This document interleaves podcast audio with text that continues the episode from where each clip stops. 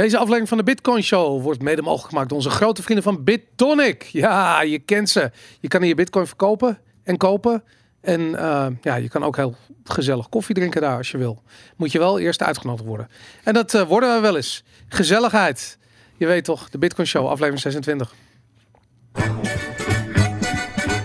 Ik dacht, houdt er nooit meer op. It's the Bitcoin Show with our very special hosts, Aaron, Boris, and Jan Willem. Yay! Jawel jongens, aflevering 26 van de Bitcoin Show. Het is gewoon aan het gebeuren, waar we bij zitten. Wie had dat gedacht? Half jaar. Dus. Een half jaar. jaar. Ja, Ja. inderdaad. Ons, eh, wat voor kleur is dat? Dat is niet goud, hè? Brons of zo? Koper? Als koperen lustrum of zo? Een huwelijk. Ik heb geen idee. Ik heb altijd zoiets, er moet, er moet altijd soort edelmetaal bij horen of zo. Anyways, het is aflevering 26. Het is voor ons een feestje. Ehm, als je snel bent, maar dan ook echt heel erg snel, dan zou je het mogelijk moeten zijn dat je nog vanavond op tijd bent voor onze de De Bitcoin meetup. de Bitcoin Meetup. Ik wou zeggen de Bitcoin Show Meetup, maar zo heet het niet meer. Het is de Bitcoin Meetup. Ja. Omdat we natuurlijk willen dat de Bitcoin Meetup groter is dan alleen de Bitcoin Show. Hoe, hoewel je kan afvragen. Wat bijna niet mogelijk Daarom is. is er Ja, wel dat iets is- groter ja, dan de dat Bitcoin kan Show. haast niet. Dat kan niet inderdaad. Goed, die is in ieder geval dus eh, vanavond 19 februari, woensdag in Blast Galaxy in Amsterdam Noord NDSM terrein. En het lijkt mee te vallen met het verkeer. Absoluut, ja, de boeren Ja, komen want, ook. eh, vorige keer was er natuurlijk ook een boerenprotest. En Ja. wij, wij steunen ze alle drie, dus dat is prima. Alleen Ja. het was een beetje vervelend dat het net op die dag viel. En toen zagen we vorige week, oh jee, er komt dus weer toevallig op onze meetup een eh, boerenprotest. Maar ik, het valt allemaal hartstikke mee. Ik ben wel benieuwd hoe die boeren dat doen qua het aanjagen van een protest. Want wij zijn echt maanden Volgens bezig. mij doen ze dat, zeg maar, kijken ze wanneer de Bitcoin Show meetup, of de, dat- nou, dan zeg ik het zelf ook, de Bitcoin meetup is. Ja, en dan, En dan, eh, dan ter stappen ze in de tractors. Ja, ik, ik, ik heb gewoon zoiets van, ja, er komen heel veel boeren op af. En ik zie ze niet echt heel erg dat aanjagen. Terwijl wij proberen via Twitter en Facebook en dingen allemaal. Maar we hebben zelfs een meetup pagina. Hebben de boeren een meetup pagina? Nee hè? eh, weet ik niet. Meetup.com. Ja, je hebt Dat zou ik wel doen als ik de boeren was. farm, hoe heet het nou? De De- Farmers Defense Force of zo? Dus dat niet via Facebook of zo? Ja, Ja, misschien via Ja, Facebook. zitten op. Facebook natuurlijk. Ja. Nou goed, gezelligheid dus. Ehm, even kijken, wat wou ik kwijt? BitDevs Amsterdam, jawel. Eh, Jan, jij bent druk bezig. De eerste Socratische seminar op woensdag 18 maart, een maand van nu, om 6 uur bij Bitonic. Eh, en de koffie is eh, goed, heb ik me laten vertellen. Ja, en de pizza ook. De pizza, denk is ik. pizza. Ja, ja nee, eh, 18 eh, maart om 6 uur bij Bitonic. Eh, de Socratische Seminar voor BitDevs Amsterdam. We hebben een meetup pagina, meetup.com slash bitdev-amsterdam. Ja. Hey, en wat is dit? Wat is BitDevs precies? Voor mensen die dat niet weten. Eh, ja, BitDevs is eigenlijk een, eh, een technische meetup voor ja, bit, Bitcoin onderzoek en, en, en, en technische ontwikkelingen. Eh, de, het, is, ja, het is gecreëerd in, eh, in New York, eh BitDevs New York. En daar zijn ze al een hele tijd mee bezig. Maar sinds ja, dat New York gelanceerd is, zijn er ook in allerlei andere steden op de wereld BitDevs meetups worden nu opeens georganiseerd. Recentelijk bijvoorbeeld in Tokio, Montreal, et cetera. Allemaal nieuwe steden die erbij komen. Nou, BitDevs Amsterdam is de eerste meeting van vorig jaar geweest. Dat heeft een tijdje stilgelegen. Nu komt de tweede meeting. Maar het is dus echt de bedoeling om echt technische dingen te bespreken. Dus het gaat over pull requests, over BIPs, eh, over hè, wat meer algemene eh, voorstellen. Het, het, het gaat over netwerkstatistieken. Het gaat echt over technische onderwerpen. Oké, komt Jos Prevost ook?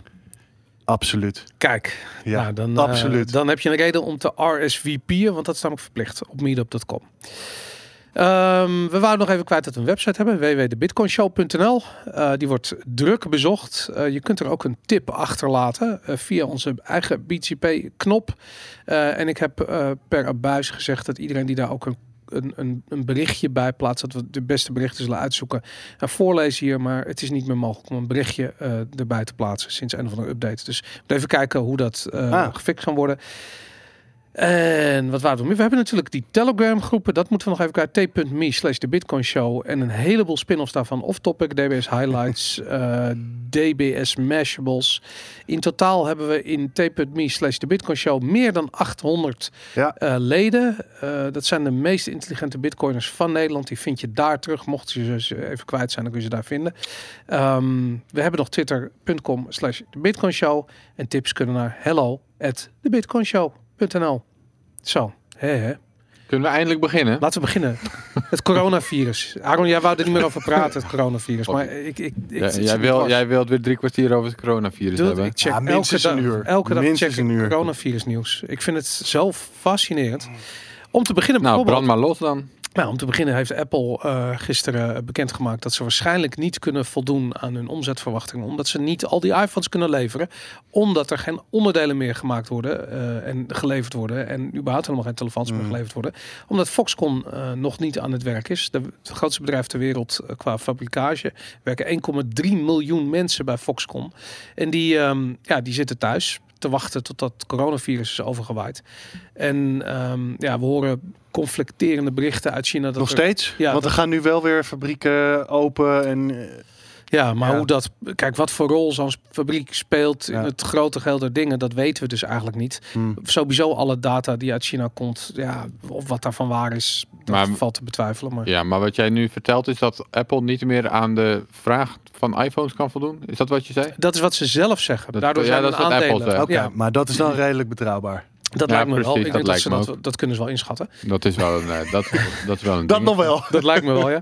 Maar ehm, daar, daar reageren de aandelen op 2,5% lager ehm, eh, zijn die gelijk eh, gegaan. Ja. Maar het interessante is dat dit geldt echt niet alleen voor Apple. Dit geldt voor alle producenten. Ik bedoel, jullie weten, Mhm. ik doe veel met videogames. Er komt een nieuwe PlayStation uit dit jaar, of tenminste die zou moeten komen. Nou, vergeet het maar. Die Ja, gaat, ook niet, die gaat ook niet komen. En, eh, Denk tel- je? Nou, Telefoons. Ik bedoel, we hebben de, de Mobile World Congress in Barcelona. Die is dit jaar niet doorgegaan. Nou, dat Ja. is een van Ja. de grootste Nee, telefoonbeurzen. kijk, die, die, die heeft natuurlijk bij een hele hoop van die fabrieken in ieder geval. Nou ja, ik, ik weet het nu, de tijdlijn even niet meer. Maar lijkt er iets op van twee, drie weken, misschien wel vier weken productie eh, redelijk stilgelegen. En dat gaat natuurlijk niet zonder eh, consequenties eh, zijn. Ook al gaan er dan nu, lijkt het erop alsof een hele hoop dingen weer aan het open gaan. En of de normaliteit weer een klein beetje aan het terugkeren is. Mhm. zal dat ongetwijfeld een, een impact hebben op allerlei zaken. Waaronder dus, nou ja, Apple dus blijkbaar in ieder geval één. Ja, nou ja, goed. Dat, wat, ik interessant vind, ik bedoel los van dat, dat ik me hier zorgen over maak, maar wat ik interessant vind uit het Bitcoin-perspectief, is dat we weer zien dat het lijkt alsof Bitcoin samen met goud eh, in prijs stijgt. Goud heeft een, eh, door de 1600 dollar per ounce heen gegaan. Eh, Mm. Bitcoin is weer terug boven die 10.000. Niet dat die prijs me nou zoveel kan schelen, maar het is zo interessant dat je die tegengestelde beweging ziet in die prijs ten opzichte van, van, Mm. van die aandelen. Ook al zijn die aandelen volledig irrationeel hoor. Ik bedoel, slecht nieuws lijkt alleen maar reden zijn voor de aandelenprijs om te stijgen. Nou ja, Ja. niet dus toch? Je zegt Ja, net nu- dat nu Apple Nu is, even is niet. gezakt. Nu even niet. Wat dus overigens een eh, bewijs is voor de efficient market. Hypo, hypo. Hypothalamus. ja. Nee, het zou kunnen, ja. Dat, eh, eh, wa- wat, wat natuurlijk die, die, dat slechte nieuws ervoor zorgt dat die prijzen omhoog gaan van alles en nog wat, is omdat dat, die, die geldpers gaat aan. En die Chinezen die, eh, die, die, die zweven ook met hun vinger boven die printknop. En dat eh, aarzelen niet om die vinger in te drukken. En, ehm, Maar behoor- daarom, ik ben ook nu een beetje van mening aan het veranderen over de aandelenmarkten. Want eh, we hebben dit natuurlijk de laatste jaren allemaal gezien. Mhm. En ik was er vrij sceptisch over de aandelenmarkt, hoe lang die bullrun kan doorgaan. En, en ik, ik dacht, nou, dat moet toch in de komende, dat dacht ik twee jaar geleden al, drie jaar geleden, dat moet in de komende vijf jaar toch een keer ophouden. Ja. Ik vermoed dat dit nog wel eens heel lang zou door kunnen gaan. Want volgens mij zitten we nu in een, voor een soort van situatie dat eh, ja, geen enkele marktwerking meer, meer, meer, meer kan optreden en, en price discovery meer kan optreden bij Nee. die aandelenmarkten. Want die centrale blank, eh, banken, ja, het zijn mensen ook, oh nee, dat mag ik niet zeggen meer. Ehm, die blanke centrale banken blijven over het algemeen maar op de geldknop Ja. drukken. Dus misschien kan dit nog wel een hele, kijk, uiteindelijk moet er Some things you gotta give. inflatie, hele hevige inflatie komen. Of eh, protesten vanuit eh, de bevolking omdat mensen het, het Cantillon-effect uiteindelijk begrijpen. Of, of iets in die richting. Maar het zou nog wel eens heel lang door kunnen gaan. Om, omdat het echte probleem zit natuurlijk ook in vertrouwen. En dat, dat duurt gewoon lang voordat zo'n instituut als de dollar of de euro, voordat dat, voordat dat vertrouwen genoeg is weggeëpt, dat je ziet dat mensen er vanaf willen. En ehm, kijk, wat je nu veel hoort van dat, dat ongeloof, hè, dat mensen zoiets hebben ja, die aandelen maar, weet je, totdat Trump herkozen wordt, zal dat nog wel even doorgaan. Maar dan stopt hij met die, met Dat die, zou ook met nog die kunnen. QE. Sommige want dat- mensen beweren dat ook. Ja, inderdaad. nou, dat, zou kunnen. Dat zou kunnen. Dan krijg je dus alsnog die correctie. Aan de andere kant, het wordt eh zometeen. eh, eh, het is zo essentieel dat die geldpersen aanblijven. En op een gegeven moment heeft iedereen zijn aandelen verkocht. Alle institutionele partijen hebben aandelen verkocht. Alles wordt opgekocht door, weet ik veel, de pensioenfondsen en, eh en hedge funds. En ja, dan, dan, dan is die markt ook niet echt liquide meer. Weet je, dan ja, Hmm. wat, wat, wat, waar heb je het dan Waarom, over? wacht, waarom zou iemand aandelen verkopen? Eh, nou ja, omdat Als iedereen er toch ervoor- al in gepompt wordt. Nee, omdat het nieuws slecht is en de prijzen omhoog gaan, dan heb je zoiets van ja, dit kan niet lang doorgaan. Weet je, als je zo meteen ziet van dat, eh, eh, k- kijk, die, die Ja, maar het kan dus wel lang doorgaan. Dat is wat Jan aan het vertellen is. ja, Ja, maar volgens dat- mij, het zou heel lang. Maar, er zijn inderdaad ook sommige mensen die beweren. Kijk, want eh Federal Reserve zou onafhankelijk eh, moeten zijn. En ik, nou ja, ik, dat zijn ze ook wel tot een bepaalde hoogte. Alleen ik denk dat je als je nu de bol. mm, Die, ja, als je nu de rente omhoog zou schroeven, Mhm. zou je daar effecten van krijgen. En dan denk ik dat de kans vrij hoog is dat Bernie Sanders eh, verkozen wordt. En ik denk ook dat niemand binnen de Federal Reserve wil dat, dat Bernie Sanders verko- verkozen wordt. ja. Dus ik denk inderdaad het idee dat het in ieder geval doorgaat tot en met Trump. Of iemand anders weer eh, eh, eh, verkozen is. eh, Biden of weet ik veel wat. Dat Het- hij nog blijft aanstaan. Als, als Bernie Sanders gekozen daadwerkelijk president wordt van Amerika, wat ik op zich als eh, gewoon om te zien hoe fucked up shit kan worden, wel interessant vind. Maar stel je voor dat dat gebeurt. nog en- meer fucked up dan Trump? Ja hoor, makkelijk. gewoon omdat die inderdaad... Kijk, wat ze dan gaan doen, is dat dat geld wat ze bij gaan drukken, gaan ze gewoon uitdelen. Dan krijg je inderdaad zo'n universal basic income. Fine, prima. Ik hoop dat iedereen 1000 dollar krijgt. Lachen.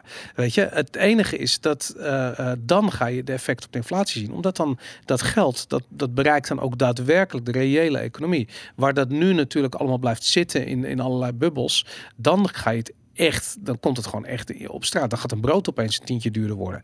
En dat soort effecten, ja, dan denk ik gewoon van ja, daar gaat Bitcoin heel erg van profiteren. Maar goed, Hmm. ik denk eerlijk gezegd niet dat Bernie Sanders, eh, Sanders, Sanders. Nee, ik word van de andere Nou ja, kandidaat ook niet echt warm. Maar Als het misgaat met de economie, denk ik dat eh, Bernie een hele goede kans maakt. Ja, dat, dan, dan, willen men, dan gaan mensen weer de schuld geven aan kapitalisme. Of en dan willen ze Ja. echt een radicaal alternatief. En dat gebeurt nu al. Dus, dus daarom denk ik ook dat de kans groot is dat ze die bubbel wel blijven pompen tot... eh, Eh, al- als je links bent, geef je voorbij de maar. schuld aan kapitalisme. Als je rechts bent, dan geven ze meestal de schuld aan, eh, aan buitenlanders of iets in die geest. Wat je, wat je ziet in zo'n crisis is Ja. dat je altijd hele extreme Ja. krijgt. En dat niemand meer normaal lijkt er na te kunnen denken over wat er nou daadwerkelijk aan de hand is. Nou, een steeds groter groeiende groep libertariërs. En dat vind ik zo interessant aan Bitcoin. Is ja, dat maar eh, hoe groot is die groep nou? Ja, Want hoe wij groot is die 800 leden in Nou, onze... precies, ja. nou, inderdaad. Op een bevolking van 16 miljoen, dat is Nou, je dus moet ergens beginnen. 0,005 procent of zo van Nederland. Nou, dat, dat is, het is een begin. Nee, maar ik vind het zo Het interessant. groeit. Dat, was het bij. Het klopt wat je zegt, het ja, groeit. Het groeit gewoon. ik bedoel, vroeger hoorde je er nooit wat over. En nu merk je gewoon van ja, er zijn veel meer mensen die snappen dat politiek hoor je in de probleem mainstream media nog iets over... Er is geen één politieke partij die eigenlijk zeg maar nog het klassieke liberale gedachtegoed vertegenwoordigt. Want Hele kleine. VVD doet dat niet. Nee. Nou, en dan wat je krijgt... Maar wat- politiek is toch ook dood? Ik bedoel, wat heeft Ja. politiek ermee te maken? Dat is gewoon de ik weet niet of het dood is, alleen het vertegenwoordigt totaal geen klassiek liberale ideeën, waardoor wij, naar mijn idee in ieder geval, heel veel van dat soort gedachtegoed, eh, een, een, een krachtige samenleving Maar hebben liberaal is niet Maar- libertarisch. Hè? Dat, dat is een groot verschil. Ik bedoel, Mm, nou, Nou wacht, ja, nee, klassiek liberaal en ligt libertarisch ligt heel wel dicht bij elkaar, ja. elkaar. Libertarisch is eigenlijk een soort van... Libertarisme is een herinterpretatie in de 60 en 70 jaren... van mensen zoals eh, Robert Nozick en dat soort dingen van klassiek liberalisme. Dus het lijkt er heel sterk op en dat komt uit die traditie. Het is niet helemaal per die- se één op één hetzelfde. die, die maar- anarchistische soort van anti eh, centrale overheid mentaliteit, dat zit bij die eh, libertariërs eh, eh, in hun DNA. En bij de liberalen, die hebben zoiets van nee, dat moet gewoon allemaal vrije markt. Absoluut, dat hebben ze met elkaar gemeen. Maar, maar de overheid mag dat allemaal gaan reguleren. Nee, ze hebben alle twee staan ze voor kleine overheden. Dus als ik het over klassiek liberalisme heb, dan bedoel ik zeg maar traditie van, van. Adam Smith en eh, John Locke en eh, dat soort. eh. Zeg maar het, het concept van, van een, hoe heet het? De, mm, nou, het- Laissez-faire. de wet, wet, ja, laissez-faire. Die, die slogan heeft hij trouwens maar één keer, geloof ik, in het hele Wealth of Nation gebruikt. In een andere context. Maar goed, dat is een slogan inderdaad waar het normaal onder valt. Dus Adam Smith zei bijvoorbeeld...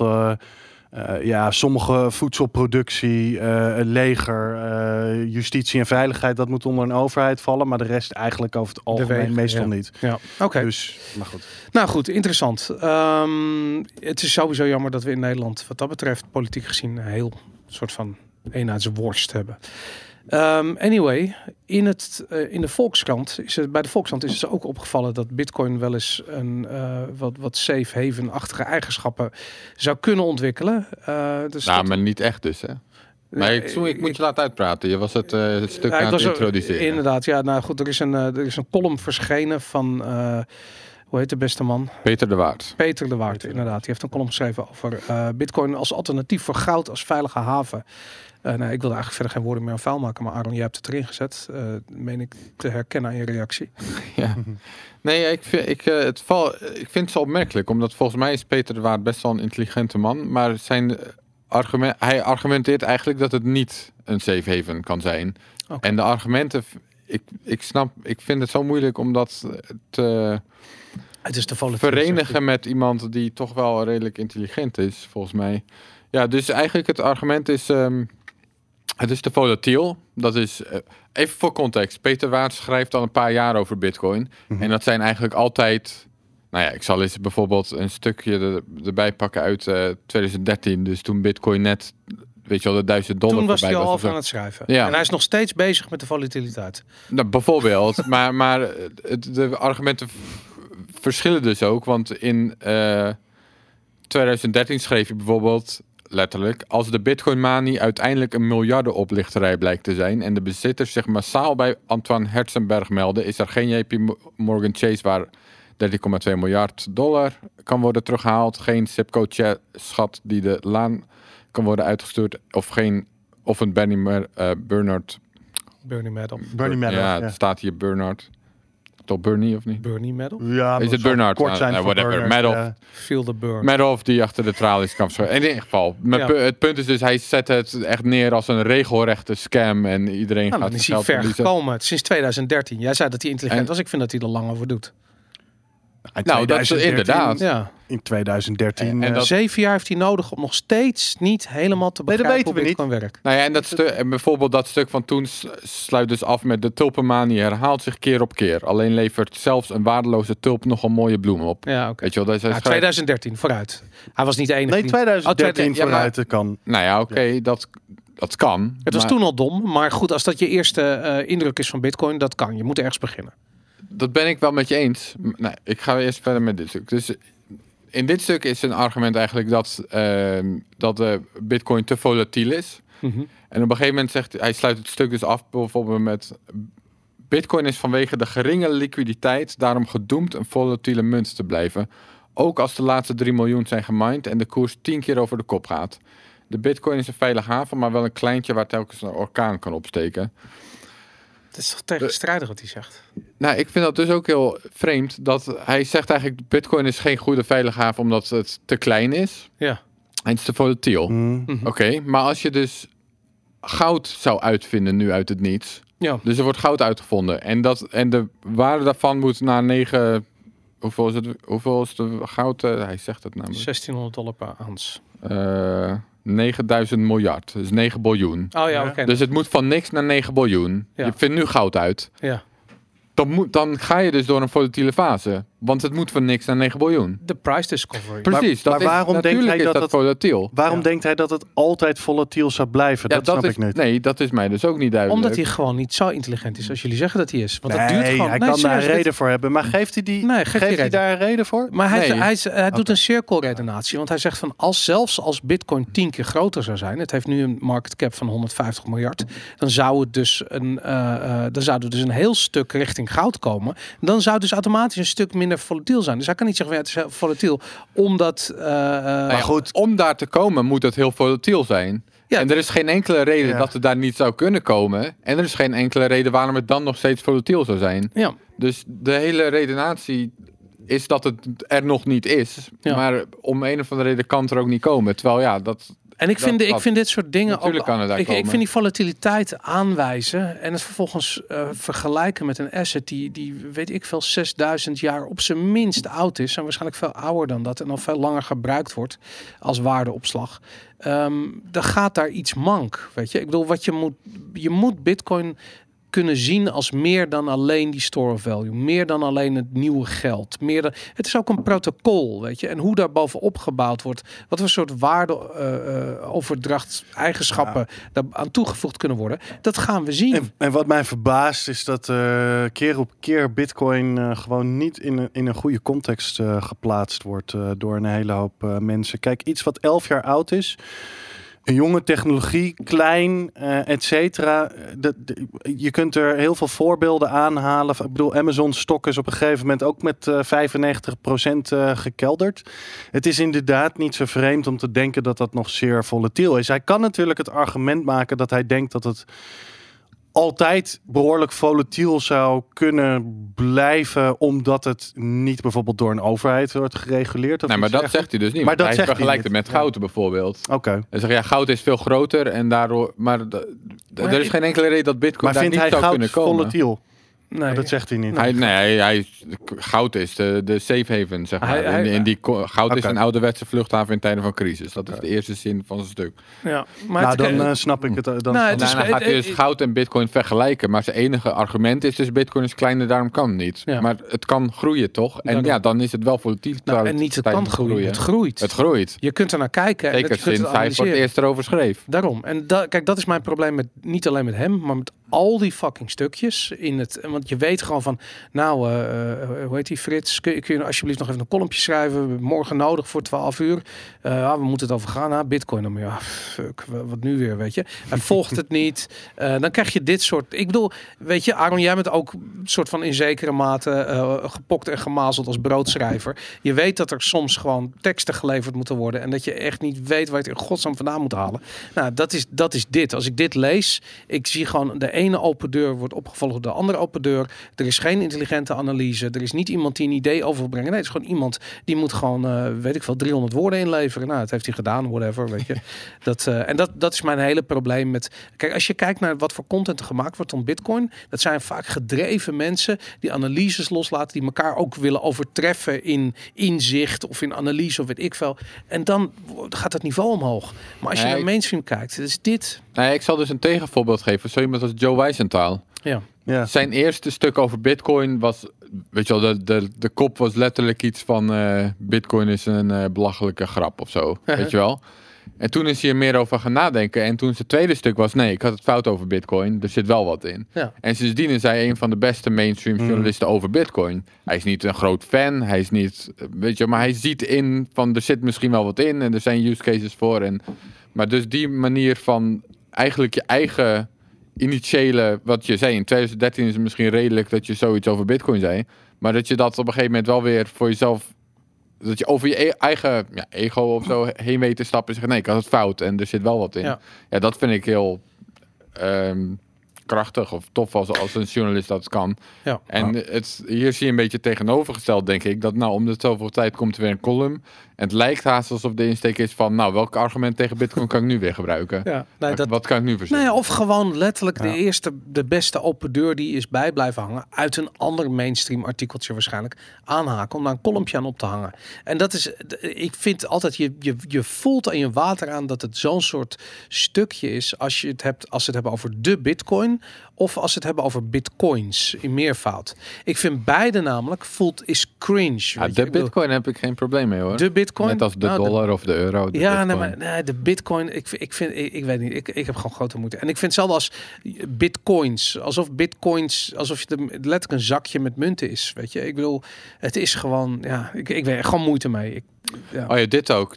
Nog een- zo'n paragraafje zegt hij... eh, maar de mensheid is niet rationeel. Het gaat er dus over dat ehm, eh, veel mensen Bitcoin een Ponzi-scheme hebben genoemd. Of een ordinaire zwendel. Inclusief hemzelf, dat noemt hij niet. Maar hij heeft het over Larry Fink en Jam- Jamie Di- Dimon. Mhm.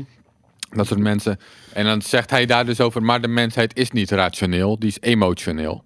En omdat iedere veroordeling van de virtuele munt door het establishment alleen maar tot verdere waardestijging leidt, is iedereen maar gestopt met waarschuwen.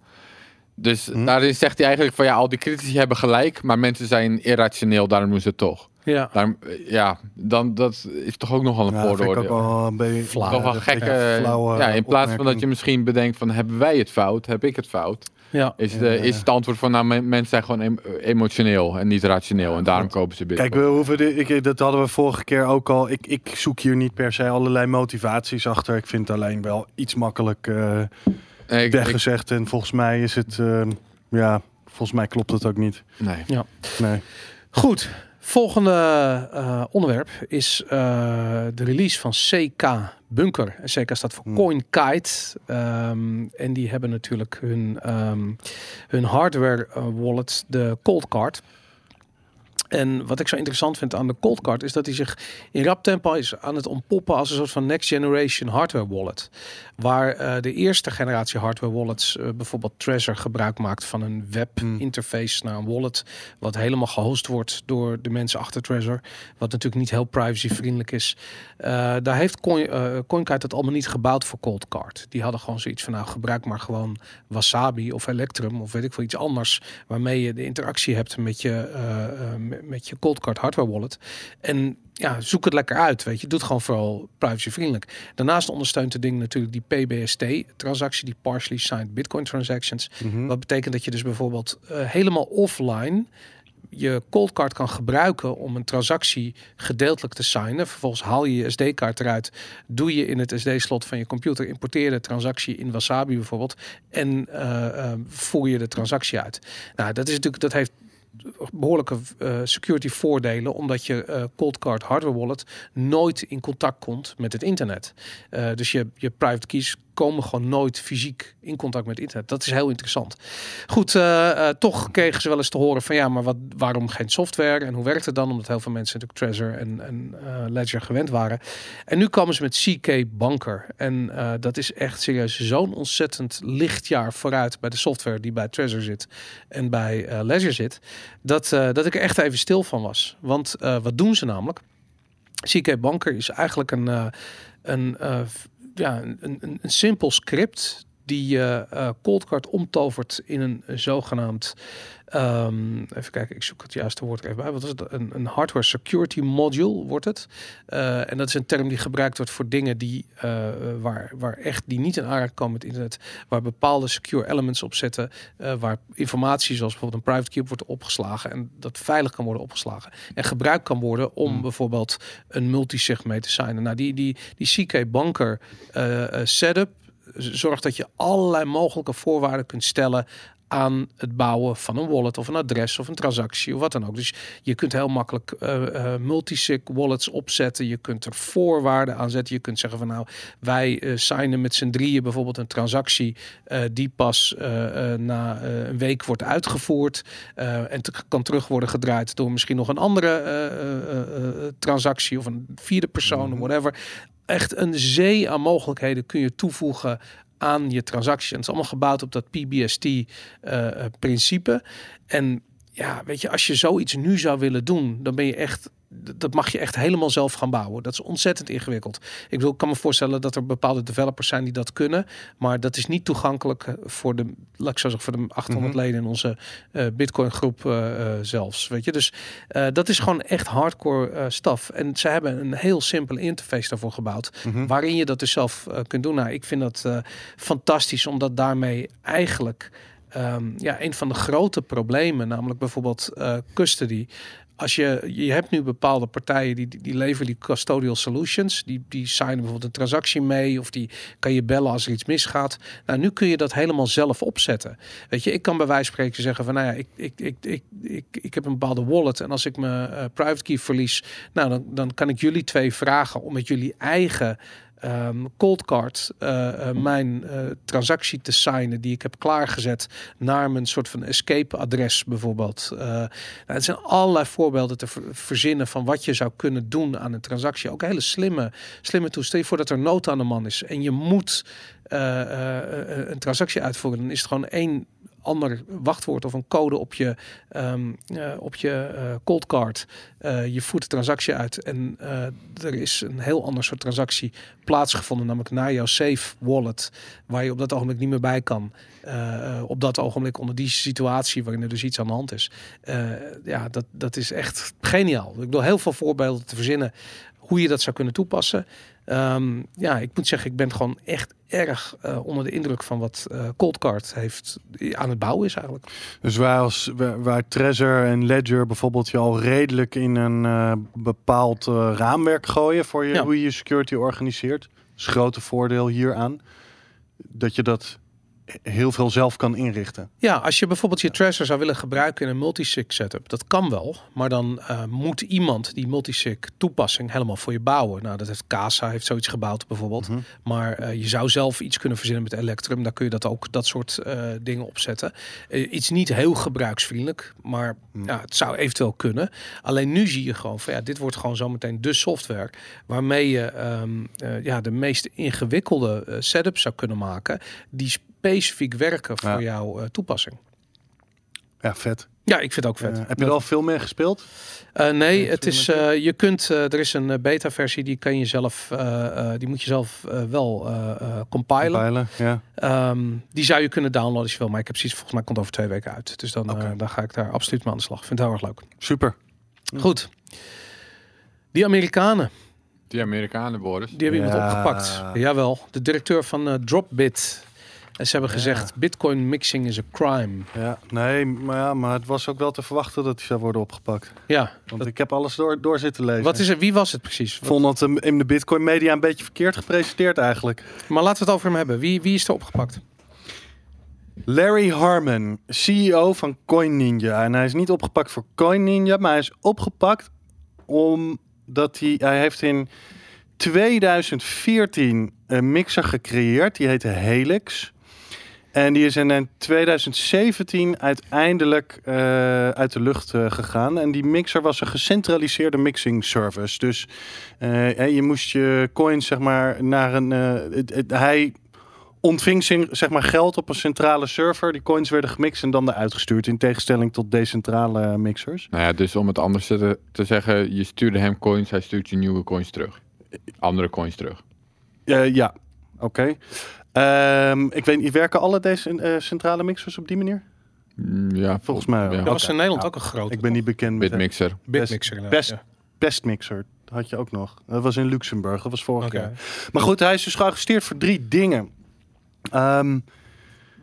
Eén, eh, voor het ondersteunen van eh, wit, eh, witwasser. Want het schijnt dus dat hij op Darknet allerlei mensen heeft aangemoedigd om zijn mixer te gebruiken om law enforcement agencies te ontlopen. Vooral bij bijvoorbeeld Alpha B. Is dat zo?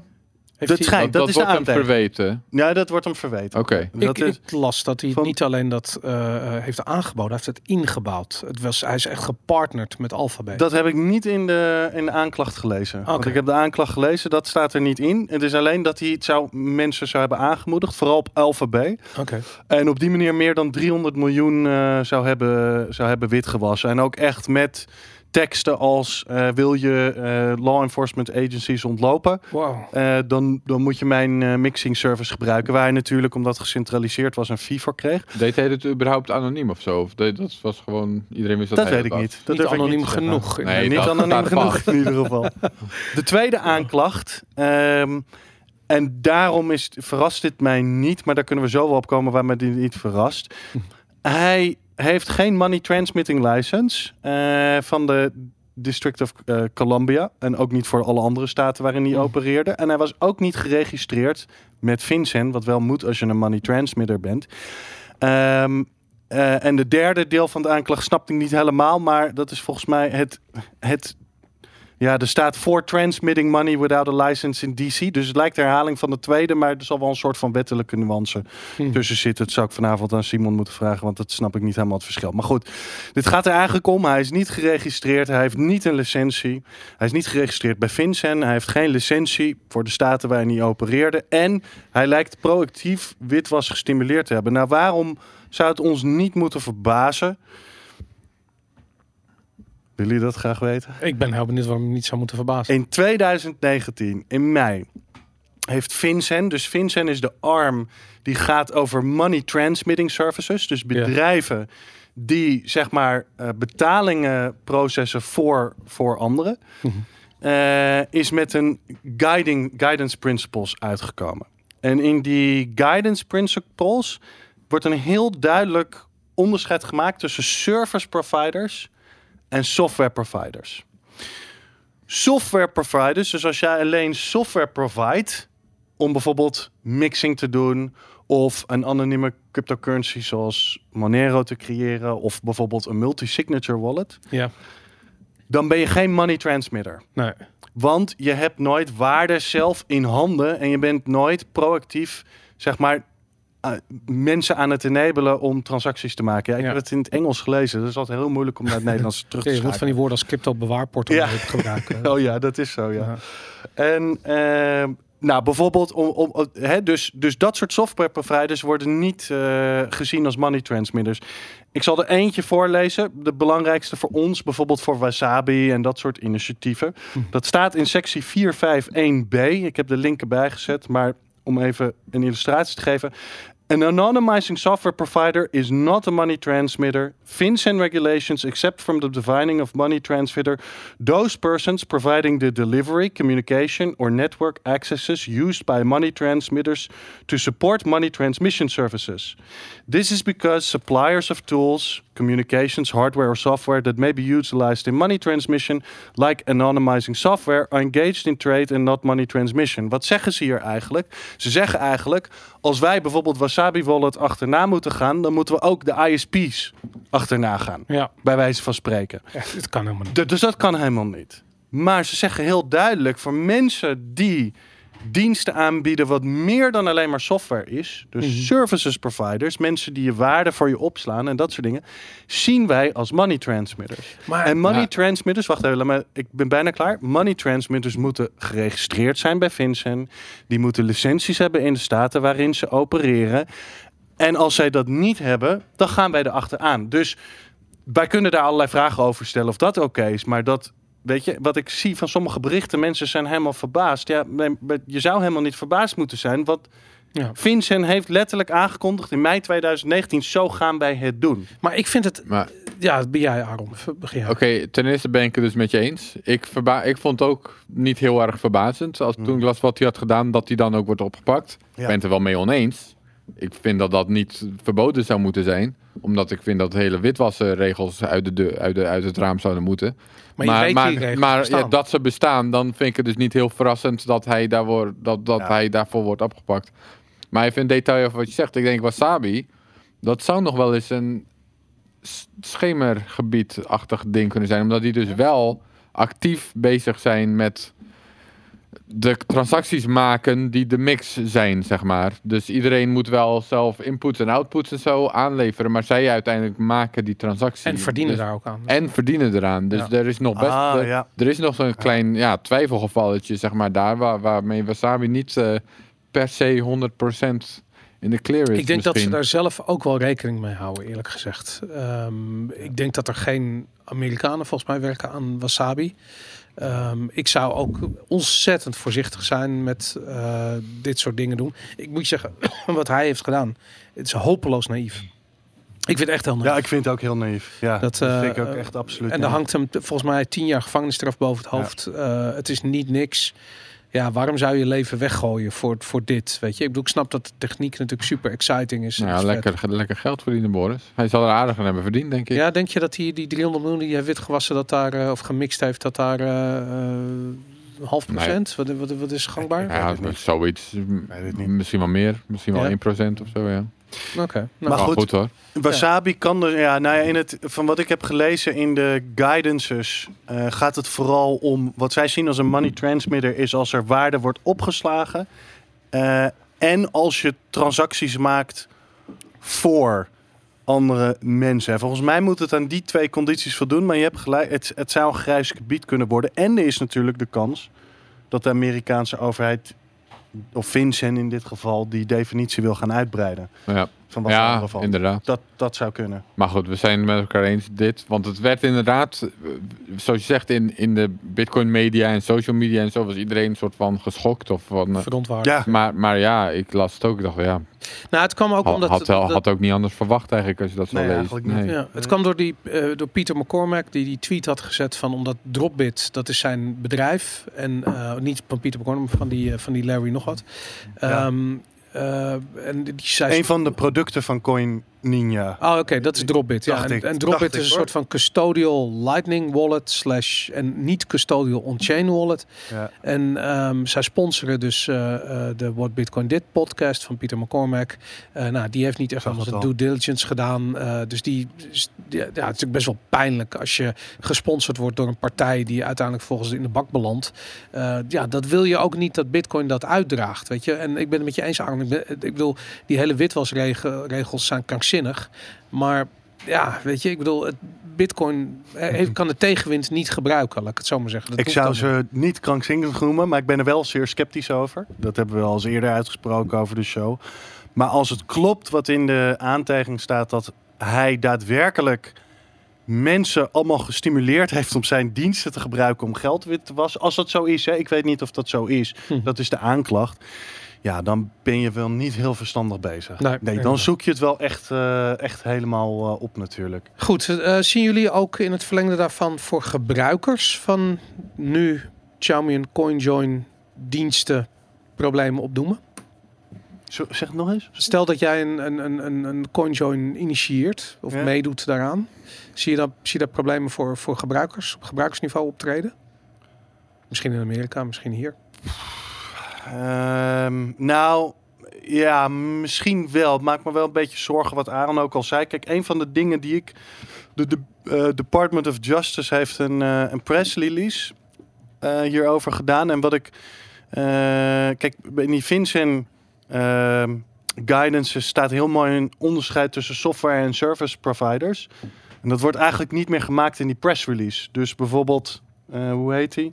De Assistant Journey, Attorney General Brian Benskowski zegt bijvoorbeeld: This indictment underscores that seeking to obscure virtual currency transactions in this way is a crime. En daar heeft hij het over mixing. En hij heeft het niet over het verschil tussen software eh, providers en service providers.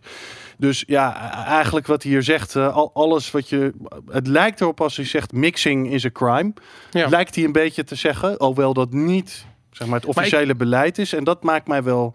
ehm, ja, dat maakt me wel zorgen. Ja, ook over diensten zoals inderdaad. eh, Maar ik snap dat in, in Nederland maar- zou je exact hetzelfde hebben. Het OM zou er ook op die manier invliegen.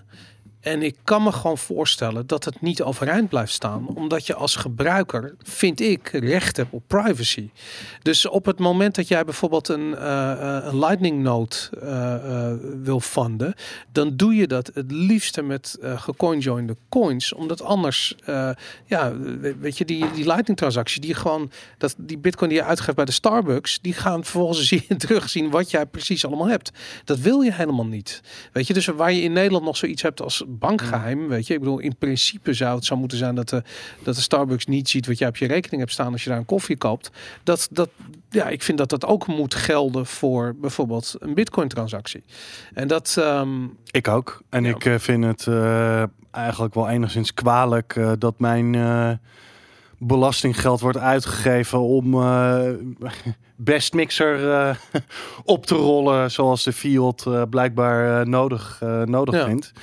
Eh, maar ja, dat, dat is blijkbaar de wereld waarin wij leven. En blijkbaar vindt het algemeen eh, Jantje modaal dat, dat een oké gebruik van ons belastinggeld. Dus ja. Ja. ja, ja. Ja. Maar goed, ik denk wel dat Bitcoin, en dat vinden misschien niet alle Bitcoiners leuk om te horen, maar dit is wat Bitcoin is. Bitcoin tart anti-witwasregels. Dat, Ja. is, dat is de technologie die het is. Het, is, eh, het eh, stelt iedereen in staat om elk bedrag wat ze willen naar iedereen te sturen. Ja. Ja. Dat is het fundament van deze technologie.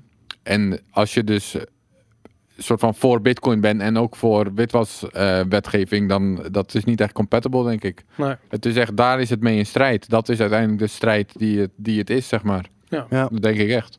Kids cash, peer-to-peer cash. Ja, uiteindelijk zijn er, eh, zullen er, eh, zitten er overal voor- en nadelen eh, aan. Dus ja, wil je, wil je wat met bitcoin, zul je over het algemeen eh, moeten denken inderdaad dat er meer nadelen aan al die regels zitten dan voordelen. Ja. Ja. Nou Kijk, goed. voor de duidelijkheid, waar ik op zich geen probleem mee heb, is dat bijvoorbeeld recherche of wie dan ook, dat die op basis van de informatie die er is, dus ook blockchain informatie, bitcoin transacties, whatever, dat ze dan hun onderzoek gaan doen en proberen boeven te pakken. Mhm. Dat vind ik op zich niet erg. Het Nee. probleem is dus dat de bewijslast wordt omgekeerd met, wit, met witwasregels. Ja. Dat je zelf maar moet gaan bewijzen dat je geen crimineel bent. Ook al hebben ze daar zelf geen bewijs voor. Je bent al een crimineel omdat je niet kan aantonen waar, waar Ja. je geld vandaan komt. Ja. Dat is het probleem. Dat vind ik in, in strijd met individuele vrijheden. En, en, eh, Ja. Nou, en, als je eenmaal verdacht wordt, eh, kan ik eh, op zich ook nog wel eh, in, in, bij inkomen natuurlijk dat hè, bijvoorbeeld eh,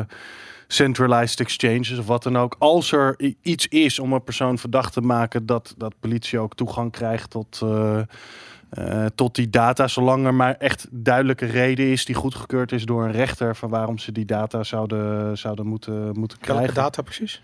Nou, bijvoorbeeld als iemand, eh, weet ik veel, eh de, de heel veel bewijs is dat iemand een eh, losgeld ergens voor heeft gevraagd en die blijkt eh, bij een of andere exchange eh, bitcoins hebben ingewisseld. Dan kan ik me, oké, dan kan ik me voorstellen dat de politie die data opvraagt. Weet je, dat soort dingen, daar ben ik op zich niet. Maar kijk, het probleem is, er is niet echt iemand om data bij op te vragen bij Bitcoin. Natuurlijk kan je Maar proberen. wel als iemand een centralized exchange gebruikt, wat heel veel van die ja, nee, nou, mensen dus blijkbaar wel doen. maar kijk, dat is het probleem. Met, nee, dat- niet dat- als die centralized exchange dus die data niet bij zich houdt. Ja. Nee, dan, dan, dan, dan, dan heb je een ander eh, issue inderdaad. ja. Ik werd van de week eh, benaderd door het AD en die waren bezig met een of ander artikel over, eh, ehm, eh, over het gebruik van bitcoins bij die afpersingszaken, zoals bijvoorbeeld de Universiteit van Maastricht, dat soort dingen. En wat ik zo interessant vind, is dat Ja. ze me altijd maar een soort van bitcoin de schuld geven ervan. Weet je, ik bedoel, van ja, bitcoin wordt gebruikt, dus maakt bitcoin het mogelijk. Tuurlijk. Ik bedoel, ik, ik, ik, nu weer, het, ging om die bombrieven die verstuurd worden, weet je. Ik bedoel, alsof je de post zou verbieden omdat iemand dat doet, weet je. Ik bedoel, dat lijkt me een, een, een, voor maar dat zou ik ook terecht vinden. Ik vind eigenlijk ook gewoon dat eh, Ziggo en KPN hier de schuld van moeten krijgen. Als we geen internet hadden, Boris, Dan eh, was er geen... dan hadden we Ja. ook niet allemaal dit soort ransomware attacks en zo gehad. Ja. Dus het is eigenlijk gewoon, en ik vind ook eigenlijk wel kwalijk dat Nee, maar goed, Grapperhuis en Hoekstra het internet niet willen aanpakken. Dat willen ze wel, hè? Nee, maar, we- ja, precies. Nee, maar we Ja, kunnen. Er er wish. kleven wel nadelen aan Bitcoin. Ja. Dat denk ik ook. Nou, en, en- ook nadelen aan het internet. Alleen dat ook voordelen en die wegen voor mij er natuurlijk heel Nou, dikker tegenop. Wat, wat ik zo interessant vond aan dat gesprek wat daarop volgde met die redacteur van het AD, was dat ehm, eh, in, voor mijn, in mijn optiek is het bizar om Bitcoin te gebruiken voor dat soort toepassingen. Omdat wat er nu, je denkt dat je ermee wegkomt, of je denkt dat je ergens eh, je Bitcoin buiten het zicht van wie dan ook hebt staan. Maar als de misdaad zwaar genoeg is, eh, dan vroeger of later gaat er iets ontwikkeld worden of een nieuwe ana- analyse ontwikkeld worden. Of, of op een of andere manier ga je ergens een draadje van je privacy kwijtraken. Dat draadje wordt uitgetrokken en dat vroeger of later komen ze bij jou uit. En dat, dat is. Dat zie je nu bijvoorbeeld ook. Ik bedoel, misschien dat deze Larry in 2014 dacht van ja, Bitcoin is anoniem. Ze gaan dat nooit herleiden op mij. En ja, nou fast forward zes jaar later en je, je loopt alsnog tegen de lamp. En dat zes jaar is een, is een eeuwigheid als je het hebt over de development van Bitcoin. Ik bedoel, als je nu denkt dat je je Bitcoins je bitcoin, niet zeg ik ook bitcoins, maar als je nu je bitcoin ergens eh, private hebt staan en je denkt van ja, niemand gaat weten dat ik dat heb. Nou, geef het zes jaar. Moet je eens opletten wat er, wat er allemaal gebeurt. Klopt. En dat, ehm, ja, daar, daar, daarom denk ik eigenlijk dat Bitcoin totaal niet geschikt is voor. Ja, dat, we- dat, eh, dat zover durf ik niet te gaan. Maar privacy is natuurlijk niet een en-of kwestie. Ik bedoel, ik, ik, ik denk altijd als je, als, je, als je echt iets wil weten over iemand en je gaat echt, je gaat er echt je, al je resources op gooien, dan kun je ook met Bitcoin een hele hoop achterhalen. Alleen je probeert, je wil het proberen zo moeilijk mogelijk te maken. Nou, we kunnen in ieder geval vaststellen dat die criminelen, dat die malware mensen bitcoin gebruiken. Dus zij Ja. vinden het nuttig. Dat, ja, dat maar staat vast. ik snap dat het nuttig is, want je kan de transactie niet herroepen. Dus het is op de korte nou termijn. ja, per- bijvoorbeeld. Ik heb een keer met een rechercheur gepraat en die zei van het interessante is wat niemand weet, is dat eh bankovervallers zelden op heterdaad gepakt worden, maar altijd daarna omdat ze geen plan hebben wat ze met hun geld doen. En dat is met dit exact Hmm. hetzelfde. Die gasten die hebben zoiets van ja, het is lekker makkelijk, dan heb ik die bitcoin en dat werkt en ik hoef niet iemand langs te sturen die een zak geld ophaalt. Nee, ze kunnen het gewoon overmaken op dit adres. Alleen die, die, die criminelen die, die de, weet ik veel, de, de Universiteit van Maastricht afpersen, vaak zijn dat soort gasten niet hodlers. Dus die gaan niet tien jaar lang die coins ergens parkeren en Mm. niet meer aanzetten. Nee, die gaan het omwisselen. Nou, en daar gaat het mis. Dat gaat hoe dan ook, hoe je het ook went of keert, ergens een keertje langs Vaak iemand gaat het mis. die Ja. KYC'd is. En dan, nou ja, dan kunnen ze het herleiden. En dan, dan ja, als de crime erg genoeg is, dan pakken ze je. De geheid. En als de crime ja, zoiets is als het afpersen van een universiteit in Nederland, die gasten zijn verzekerd. Die gaan er echt niet nog een, een privédetective opzetten om dat eh, jarenlang in de gaten te houden wat er met die coins gebeurt. Die zijn er klaar mee. Dus Mm. dat, ehm, ja, daar kom je weg. Maar zo'n bombrievenfiguur, ik, ik, ik zou niet durven beweren dat hij niet, die wordt gepakt waarschijnlijk met zijn bitcoin. Oh, ongetwijfeld. Ja, daar heb ik eh, geen twijfel over. Goed, ehm, volgende onderwerp. Even kijken. Ik pak het er even bij. We waren aangekomen bij ja. We zagen natuurlijk een eh, best wel eh, flinke dip in de prijs. Nogmaals, we hebben niks met de prijs, maar blijf maar langskomen. Ehm dat ik had, ik had nog, mag ik nog even terugkomen op het vorige onderwerp? Want ik had nog een eh, opvallend iets. Daar hou ik bij stilgestaan. Misschien weten jullie weten dat. Als dit soort dingen gebeuren met Bitcoin, dus Best Mixer en nu Helix en wat dan ook, wordt er altijd iemand opgepakt. Ja.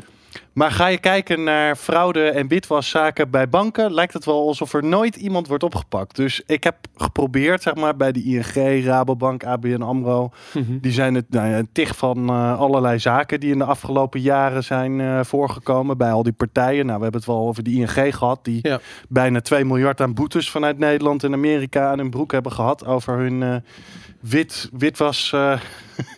ja, Verleden. Ja, verleden, laten we, laten we het zo maar eh, zeggen. Want daar werden de, de regels gewoon compleet aan hun laars eh, gelapt. Dat waren echt, eh, ja, Ja. nou ja, goed. We hebben het, er- wanneer hebben we het over gehad? Twee maanden geleden of zo. Het was echt, maar het interessante echt, heel storend. komen Maar daar, nooit voor. daar is voor mijn gevoel, tenminste wat ik kon vinden, maar misschien kan iemand mij thuis corrigeren. v- Er wordt bijna nooit iemand opgepakt. Nee, maar bij zei, die- Bitcoin wordt er altijd iemand opgepakt. Maar die zaken van die banken worden altijd afgekocht. Dat komt nooit voor. Ze, ze sluiten een deal met het OM nog Vaak wel, voor. ja. altijd. Maar waarom? Anders wordt er namelijk wel iemand opgepakt. Dus om dat te voorkomen, ik bedoel, het, het, het is een bank, het is geld, weet je. Het is alsof je een, een eh, weet ik veel, de snoepwinkel een boete oplegt in Ja. snoep, weet je. Ik bedoel, dat hebben ze gewoon. Ze hebben gewoon unlimited geld. Dus het maakt niet uit wat die boete is. Ik bedoel, liever dan dat er iemand in de bak verdwijnt. Maar goed, mocht er iemand luisteren van het OM, ik vraag mij gewoon af hoe het nou kan. Want het lijkt wel alsof bij banken er nooit iemand wordt opgepakt, maar bij Bitcoin altijd. Maar iemand. wacht even, Dus jij, nou? jij kunt ook, eh, zeker voor financiële misdaden, kun je die, die kun je rechtszaak kun je afkopen.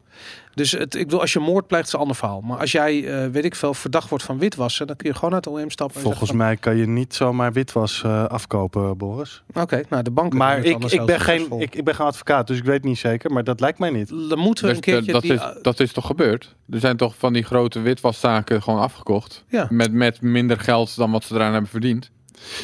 Ja, nee, daar heb je wel gelijk in. Ja. Maar ik weet even niet precies hoe juridisch hoe dat zit. Maar inderdaad, Nou, bijvoorbeeld de Rabobank met die eh, Mexicaanse drugkartels. hebben ze op een gegeven moment geen schuld van bekend. Ja. Maar ze hebben wel een hele hoop geld Ja, overgemaakt naar het OM, zodat het onderzoek stopte. Ja. Maar ik weet even niet hoe dat precies Nou, en nog veel zit. erger Maar was de LIBOR-fraude, waar ook de Rabobank bij betrokken was. En dat is ook gewoon afgekocht. En dat was de Rabo, weet je dat zeker? Ja, Ja, was ze ook bij betrokken? Ja, ongetwijfeld. Daar waren ze allemaal bij betrokken. Maar goed, Dus, dat is eh, gewoon dat, dat ja, ik bedoel, al op dat niveau sodemieteren met, met, met rentes, dat is best wel heftig. En dat wordt gewoon afgekocht, maakt niet uit. Dus ehm, ja, ik denk eerlijk gezegd dat dat, dat kan jij ook wel. Als ze zo meteen voor je deur staan, dan, eh, dan zeg je gewoon van nou, laten we een deal maken, laten we praten. Ja, ja, ja ik, zal, nog- ik zal nog eens... eh, ik ben het niet serieus, hè? Ik bedoel, je ziet, je zit me aan te kijken. Van, ik, ik, ik, ben je ik denk nou aan even, het- ik, ik, ik, weet- ik weet niet wie je denkt eh, dat je voor je zit, maar eh, Je wil geen grote witwaszaak aan je broek, zie ik. Goed, ehm, eh, even kijken. Ja, we, dus een, we zagen een flinke dip in de prijs. Dat had alles te maken met Mnuchin, zoals de beste man heet, die in Amerika eh, aankomt. Mm. Dat er strenge regels komen voor crypto gebruik. nou ja. Wat ging er door jullie heen toen die, die, die ijzingwekkende boodschap eh, voorbij kwam? Het is een mooie vraag. Wat ging er door ons heen? Ja, vooral Ging het A- door hem Aaron, heen? ik zie je kijken. Ik zag, je, je, zat met, je zat je op te winnen toen je het nieuwsbericht las. Je had zoiets van de onrecht, de onrecht wat hier plaatsvindt. Nee, er staat niet echt heel veel duidelijk. eh, de, ik bedoel, het is nog niet echt duidelijk wat dat gaat betekenen, toch? Maar Ja. ehm, het zal niet veel goeds betekenen waarschijnlijk. Ja. Het zal hoogstwaarschijnlijk eh, weer een eh, vrij ernstige of een, een, een, eh, vrij radicale inbreuk op privacy zijn. Ja. Op een of andere manier. Hoe dat eruit gaat zien, weet ik niet. Maar ehm, radicale remming van innovatie. Wanneer stopt dit, jongens? Wanneer stoppen die Zelfs babyboomers als, eh, met die shit van en het ministerie van Financiën eh, doen. Ja, it, will go- it will get worse before it gets better. ja, hè? Ja, ja dat denk ik ook. Dit gaat echt wel een tijdje nog, eh, nog echt wel de vervelende kant op, vermoed ik. Ja.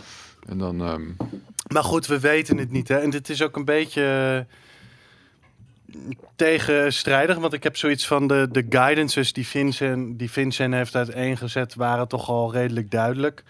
Ehm, en nu ook van de SEC. De guidance is wel redelijk eh, duidelijk. We hadden ook deze week, ik had het artikel had ik er ook bij gezet... Herster Piers, die in de commissie zit van de SEC... had eh, voorgesteld om een soort van drie jaar overbruggingsperiode te hebben voor ICO's. Nou, ik kan, je kunt je afvragen of dat wel eh, zo eh, verstandig is. Eh, wat overigens waarschijnlijk wat niet zou- goedgekeurd wordt. Maar Wat zou dat moeten betekenen, een overbruggingsperiode? nou, ja, het idee is dat je, die, zeg maar, als je een nieuw netwerk lanceert met een, met, met een coin erbij, dat je drie jaar de kans krijgt om jezelf een gedecentraliseerd netwerk te maken voordat je onder regulering valt. En dan heb ik Hoe zoiets maak van. je jezelf decentraal precies? Nou ja, het argument gaat onder bijvoorbeeld eh, Jay Clayton heeft dat ook wel eens uitgesproken. Dat, eh, dat is de CEO van de. Of is het? Noem je dat een CEO? Het is de hoofd van de commissie. eh, die dat Ether bijvoorbeeld toen het gelanceerd was, zou. Dit is het argument, hè, ik zeg niet Mm. dat ik het goedkeur, maar dat toen Ethereum gelanceerd was, toen was het een security. Maar vorig jaar in 2000 nee, of dit was al in 2018 geloof ik, was het geen security meer. Dat is het argument. maar dat is... Ja, omdat het gedecentraliseerd zou zijn Ja, in de eh, tussentijd. in de tussentijd. maar goed, je zou kunnen zeggen dat het voor Bitcoin bijvoorbeeld wel geldt, hè? dat Dus het in het begin niet ze- de- decentraal was, maar dat het steeds Ja, decentraal maar, maar Bitcoin had in het begin al niet aan de Howey-test voldaan. Want er was geen centrale partij waar je geld aan is gegeven. Nee, da- dus, dat is waar, ja. Ja. Maar, maar Ja. gewoon om de vraag te beantwoorden hoe van centraal naar decentraal gaan. Ja, Je kan best wel zeggen dat Bitcoin in het begin gewoon was wat Satoshi zei dat het was. Tot hij dus wegging en dat Ja. niet meer opging. nou, Bitcoin was natuurlijk ook... Zij bedoelen hier centraal in de zin van een eh, security. Dus Ja. een vereiste daarbij is dat de Howey-test... Nou, daar zitten vier condities aan. Maar één conditie is aan dat er echt daadwerkelijk een investering wordt gedaan naar een derde partij. En dat is bij Bitcoin nooit Ja, gebeurd. ja. Dus Ja. Bitcoin kan nooit als een security worden gezien. Maar maar, maar Ethereum bijvoorbeeld, want ik vind dat heel interessant. Ethereum wel. Alle bitcoiners zaten te wachten tot Vitalik eh, de bak invloog. En dat is niet gebeurd. Terwijl eh, andere ehm, Ja, dat shitcoins wel Ja, dat- degelijk processen of, of, of er is van alles gebeurd. Ik bedoel, sommige wel, sommige niet. Eh IOS heeft vorig jaar ook, ook geschikt, geloof ik. Nou ja, ik denk, ik denk Dus- dat je vaak ook ziet met dat soort dingen dat mensen verdwijnen pas de bak in als het verkeerd gaat. Want dan is opeens iedereen boos. Ja. En zolang het goed gaat, dan, dan is er niet echt een reden. eh, ja, Weet je wel, dus ehm, dat is absoluut het geval inderdaad. Ja, ja. En ik niet, maar- niet dat ik hoop dat eh Vitalik de bak in gaat. Ik ook niet. Dat wil Nee. ik even Eh, duidelijk maken. Ik, ik mag hem niet en ik vind het een pestventje en ik vind hem oneerlijk. maar eh, om hem nou de bak in te zien Nee, gaan, dat is- dat- hoeft Ik vind hem ook eh, oneerlijk. Ehm, en eh, ja, weet je, mensen vinden hem een soort van boy wonder. Ik, ik, ja, nou, het zal wel aan mij liggen, maar ik vind dat hij vaak onzin uitkraamt. Maar dat wens ik hem ook eh, niet Nee, per se. nee, absoluut. Nee. Maar goed, ik bedoel, je zegt tot het misgaat. We hebben natuurlijk afgelopen anderhalf jaar hebben we eh, het best wel mis zien gaan. Ik bedoel, 98,8 procent eh, van de waarde van al die shitcoins is verdampt. Ik bedoel, Bitcoin heeft het ook niet goed Mm. gedaan, maar dat was helemaal erg. Ehm, dat veel mensen zouden kunnen zeggen van nou, dat is een goed voorbeeld van hoe het mis kan gaan. En dan heb ik zoiets van ja, het is dat het gewoon normale mensen waren die gewoon hun spaargeld kwijtraakten. Maar als dit institutionele partijen waren geweest die het schip ingingen, dan was er misschien wat hoger in de boom wat wind gaan waaien. En dan was er misschien wel wat meer onderzoek gedaan naar grote. Of denken jullie dat dat niet zo werkt? Nou ja, ik denk dat dit soort eh, scams. Ik denk dat institutionele partijen nog wel genoeg, slim genoeg zijn om daar niet aan mee te doen. In de eerste plaats, toch? En dat, Of snel uit te stappen en die shit eh, te het, dumpen. is, het is juist echt bedoeld voor de casual Ja. thuis. Zoals OneCoin om- ook gewoon Nou ja, precies. Ja, dat, gebrek aan kennis is een voorwaarde om daar mee te doen. ja, eigenlijk wel. Ja. Oké. Mm, wacht even, maar eh, ja, qua investering denk ik wel dat inderdaad retail investors vooral zijn eh, geweest. Ja. Ja.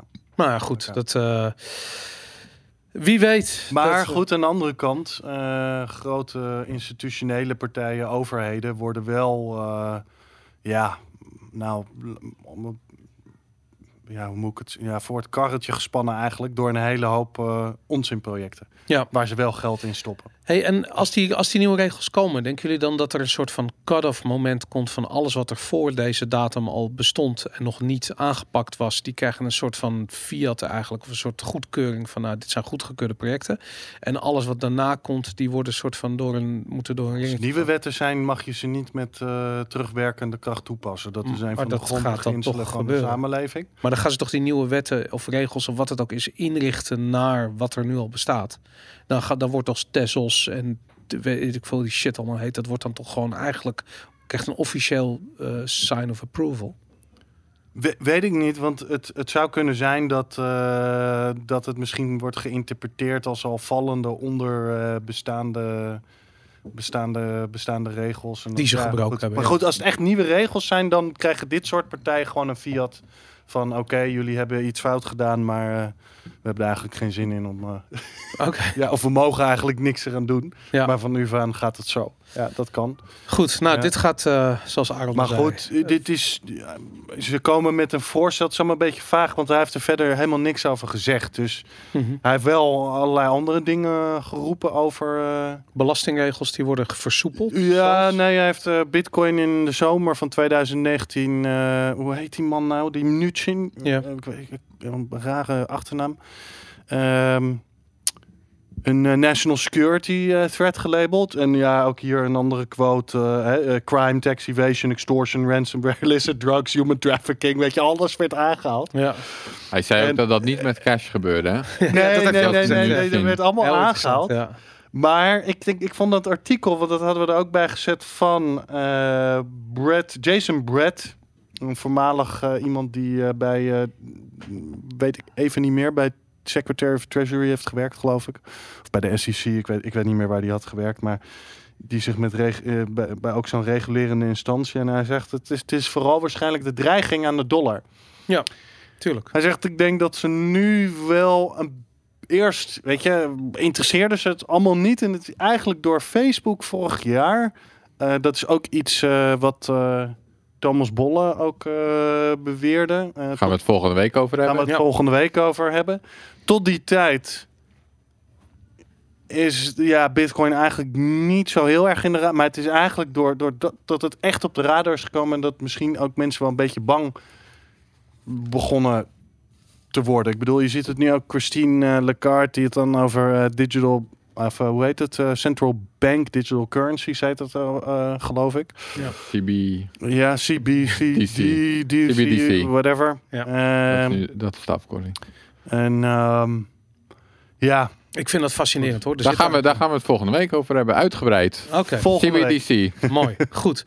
Ehm Aaron, jij hebt een eh, artikel geschreven voor Bitcoin Magazine. eh, hoe Bitcoin op tech ehm, open source connect met corporate worlds. Yes. Wat, eh, wat was precies het probleem en wat heb je daar... Ja, even voor de context. We zijn bij Bitcoin Magazine een beetje met iets nieuws begonnen. Eh, we doen nu... eh, we, we, hebben, we hebben elke week een soort van thema. Oké. En dan, gaan we, en dan zijn er meerdere artikelen over dat ene thema. Mhm. Dus bijvoorbeeld die... En deze week was het thema dus corporate en open source... en hoe dat een beetje met elkaar verhoudt. En eh, hier eh, voor Square, de Square Crypto. Nou ja, goed, de mensen kunnen het op Bitcoin Magazine allemaal zien. Allemaal, eh, dat is een beetje het thema. En ik had dus inderdaad, eh, dus Optech. Ik weet niet of jullie het kennen überhaupt. Ja. Ja, jullie Ik heb het artikel gelezen. Dus Ah, wel en wat, de newsletter. Nou, dan, ken je, dan weet je alles, eh, dan weet je er alles over nu. Het is jouw artikel. Dus. Ja, precies. ik ga niet jou je eigen artikel uitleggen. Nee, ja, dus dat eh, is het onderwerp dat ik... ehm, Oké, dus het is eigenlijk een beetje geboren uit... Je had natuurlijk die hele Segwit to X dingen en die hele scaling war daarvoor. En op een gegeven moment was Segwit er en al die bedrijven waren het maar niet aan het gebruiken. En er was een beetje ja, spanning tussen die twee communities eigenlijk. Dus de bedrijven aan de ene kant en de open source eh, developers aan de andere kant. Dus Bitcoin Core en zo en dat soort... ehm, maar ook Lightning, eh, Lightning developers. Ja. Ehm, en dat, het gaat niet alleen over SegWit, het gaat ook over dingen zoals batching of replace by fee of ehm, fee estimation. Of, eh, een, paar developers, John Newberry, Steve Lee. eh, Jo- John Newberry is van Chaincode Labs, Steve Lee is tegenwoordig van Square Crypto en James O'Brien was van Chaincode, is net overgestapt naar Digital Garage, als ik dat goed zeg. Wat is Digital Garage? Ja, die zit in Japan. En die, Oh eh, ja, ja. Ook, Ja. ehm, ja. die, wat, ja, wat doen ze eigenlijk nog meer? Ze hebben in ieder geval ook een paar core developers. Er zitten nog geen Wel van gehoord, handen, ja. dacht ik. Ja. In ieder geval, die eh, hadden dat ook door. En ehm, die dachten, laten we kijken of we iets constructiefs kunnen doen. In, weet je wel, dan, er is natuurlijk altijd gezeik op social media. En Hm. we gaan gewoon eens kijken of we er iets constructiefs van ma- kunnen maken. Dus zijn met die bedrijven gaan praten. En eh, op een gegeven moment zijn die dus het Bitcoin Optech initiatief begonnen. Dit is anderhalf jaar geleden. Het is dus ook niet echt een nieuwsartikel. Het, is Hm. meer, eh, het was gewoon een artikel van eh, informatief achtergrond. Ehm, die zijn dat begonnen en ehm, die houden dus meetings om de zoveel tijd. En daar komen dan, nou, zij zelf zijn daar. eh, en nog een paar andere jongens hebben zich erbij aangesloten. Vooral ook van Blockstream en Chaincode Labs. En dan eh, een heel aantal bedrijven. En dat kan variëren van Coinbase tot eh Zapo. Bitrefill, tot, Xapo, maar ja, ook bedrijven die bijvoorbeeld nog niet Bitcoin gebruiken, maar waarvoor Bitcoin bijvoorbeeld een oplossing zou kunnen zijn. Mm, Nee, dat niet. Nee? Het is echt voor hoe kunnen Bitcoin bedrijven zo goed mogelijk gebruik maken van Bitcoin en van de tools die er zijn. Oké.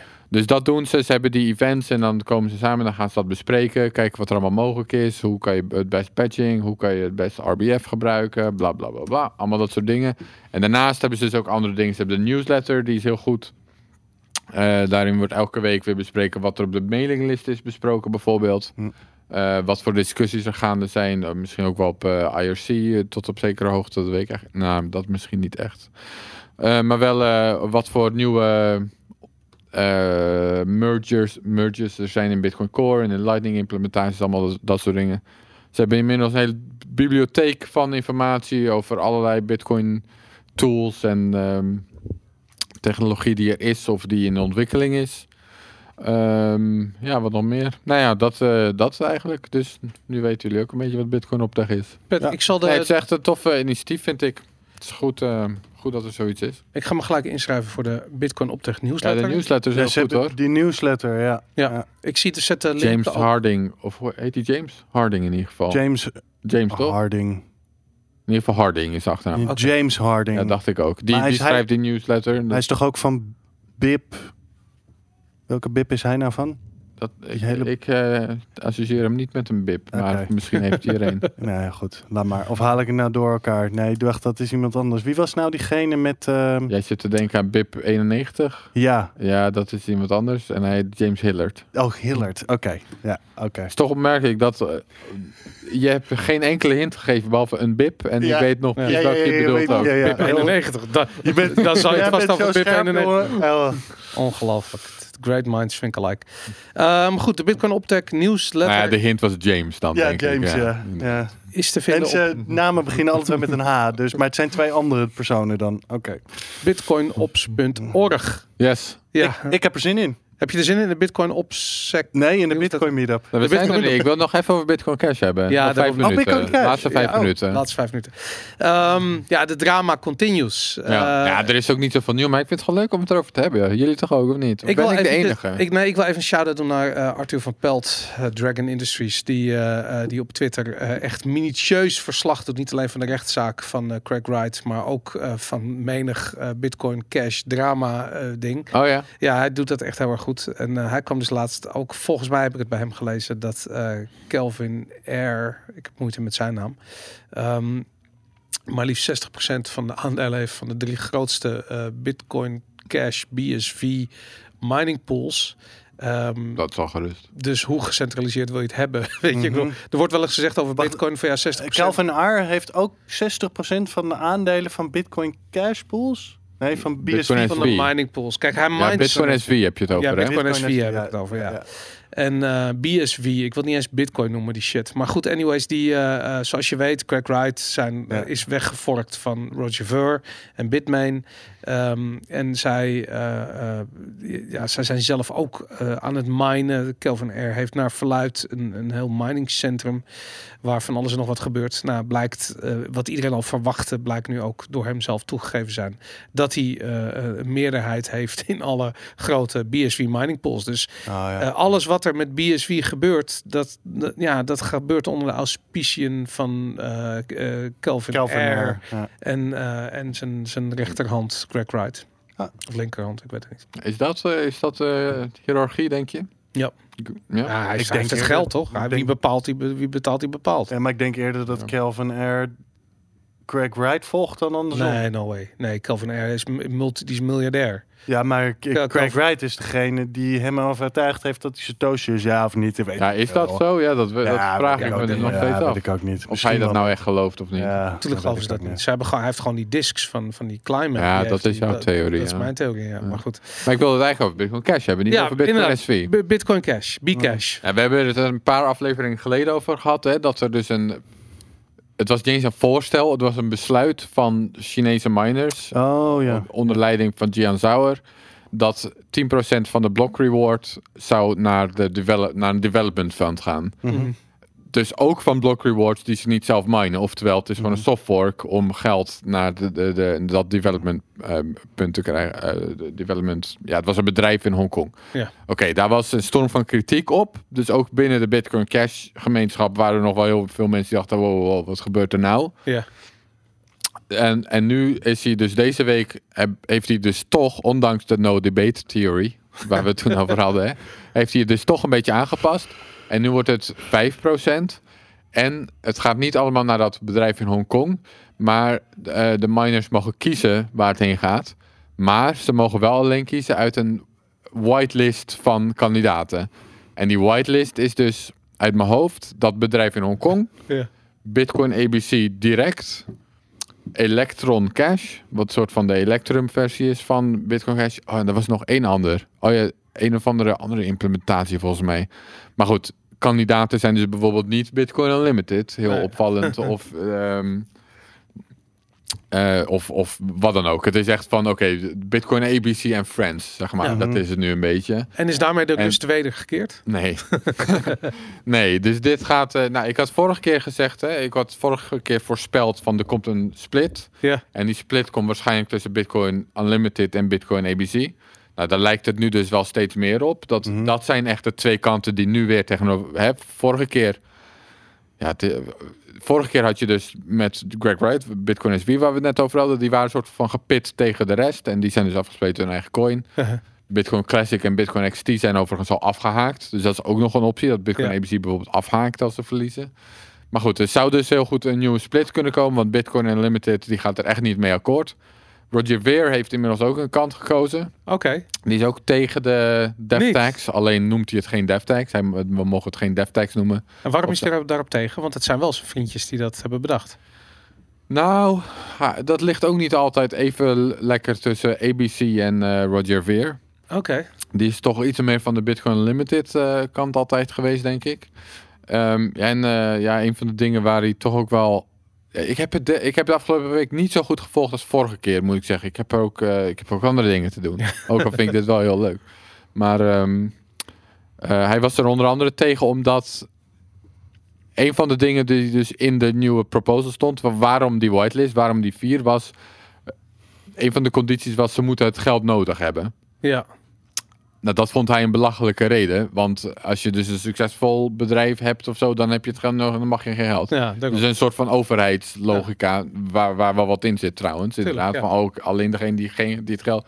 Alleen degene die slecht met geld omgaan, die mogen geld, systeem, zeg maar. ja, dat ja, staat ja, natuurlijk nergens op. ja, ja. Maar goed, je kunt daar wel bij zeggen dat zijn idee dat open source allemaal gecommercialiseerd moet worden, dat, dat is ook niet hoe het werkt. Nee. Dat is, dat, ja, dat is een beetje haaks op elkaar. Dus dat lijkt hij ook niet te begrijpen. Van ja, open source developers die hebben geen winstmodel vaak. Ook bij Bitcoin. Eh, Core bijvoorbeeld, veel van die developers, die worden gefund door bedrijven. Het zijn gewoon giften. Dat zijn, Ja. En daar, dat, daar zit geen winstmodel direct achter. Nou, dat is ook iets wat hij niet helemaal lijkt te begrijpen. dus, maar goed, in ieder geval, ehm, die, eh, die heeft zich dus nu ook een beetje... Nou ja, die, eh, een van de dingen die dus ironisch is, en dat ik denk dat ik dat vorige keer ook zei, is dat zij nu Bitcoin.com, Roger Ver, die beginnen nu een beetje de positie in te nemen van geen controversiële Ja. consensuswijzigingen.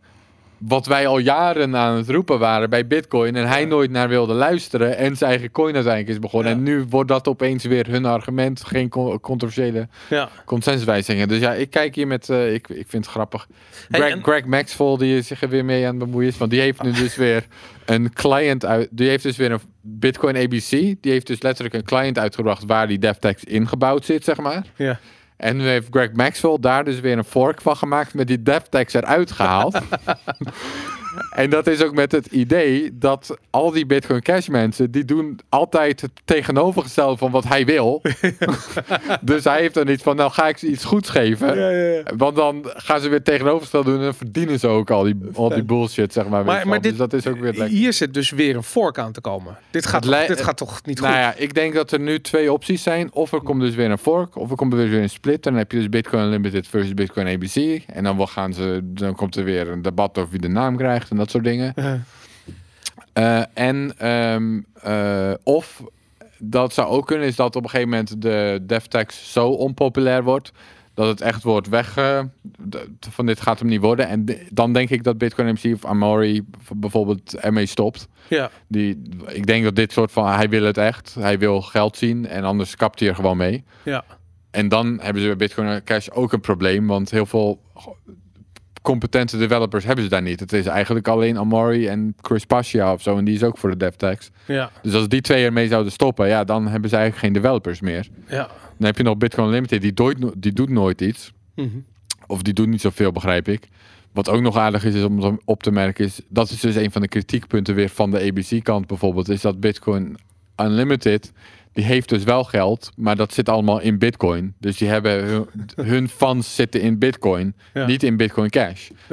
Dus dat zegt ook lekker veel over waar ze in geloven en wat hun, Ja.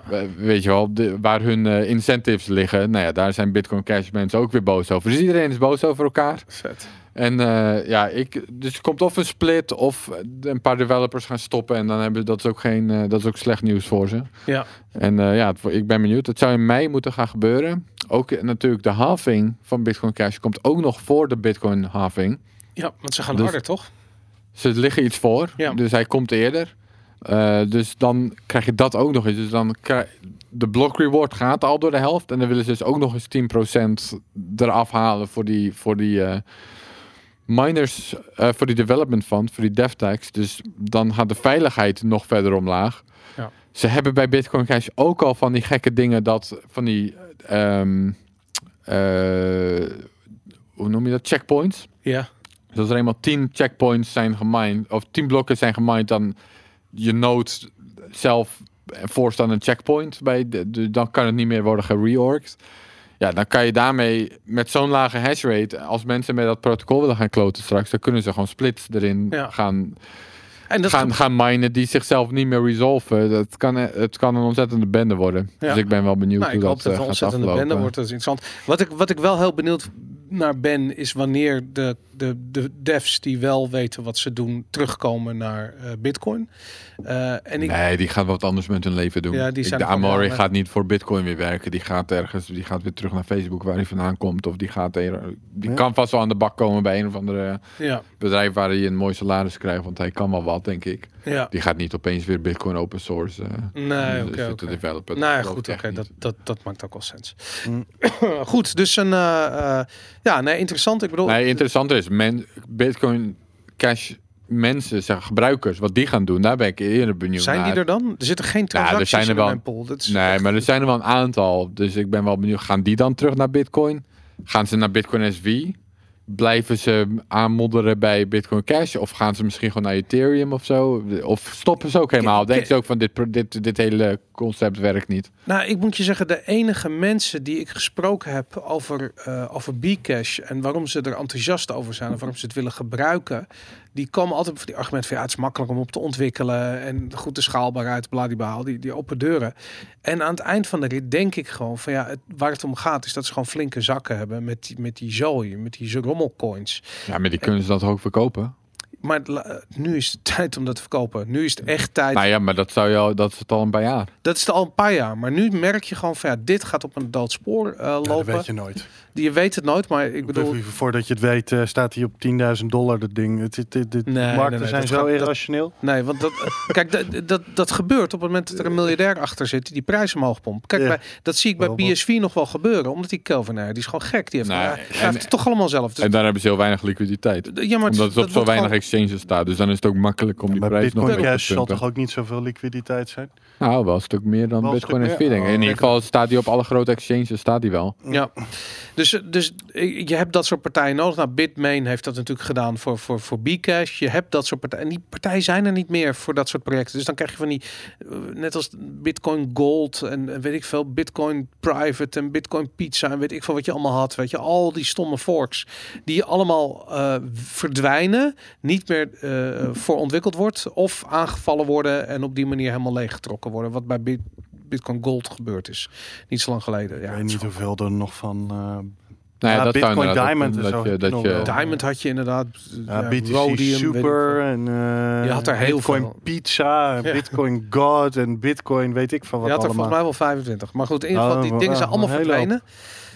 Nee, die zijn niet verdwenen. Die staan nog wel... eh, Ja, goed. ja, maar ze zijn wel verdwenen van de exchanges en zo. Het Ja. is, wel, het is eh, in principe gewoon dood. dat Ja. wel, ja. het dat, en dat gaat ook niet meer terugkomen. Dat is Ja. klaar.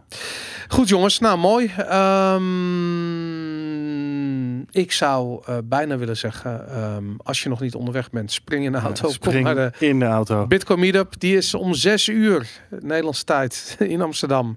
Noord, eh Blast Galaxy van 6 tot 10. En voor de rest eh, wil ik iedereen bedanken voor het luisteren, voor het kijken en voor de gezelligheid. Tot volgende week. Strong hand, everybody!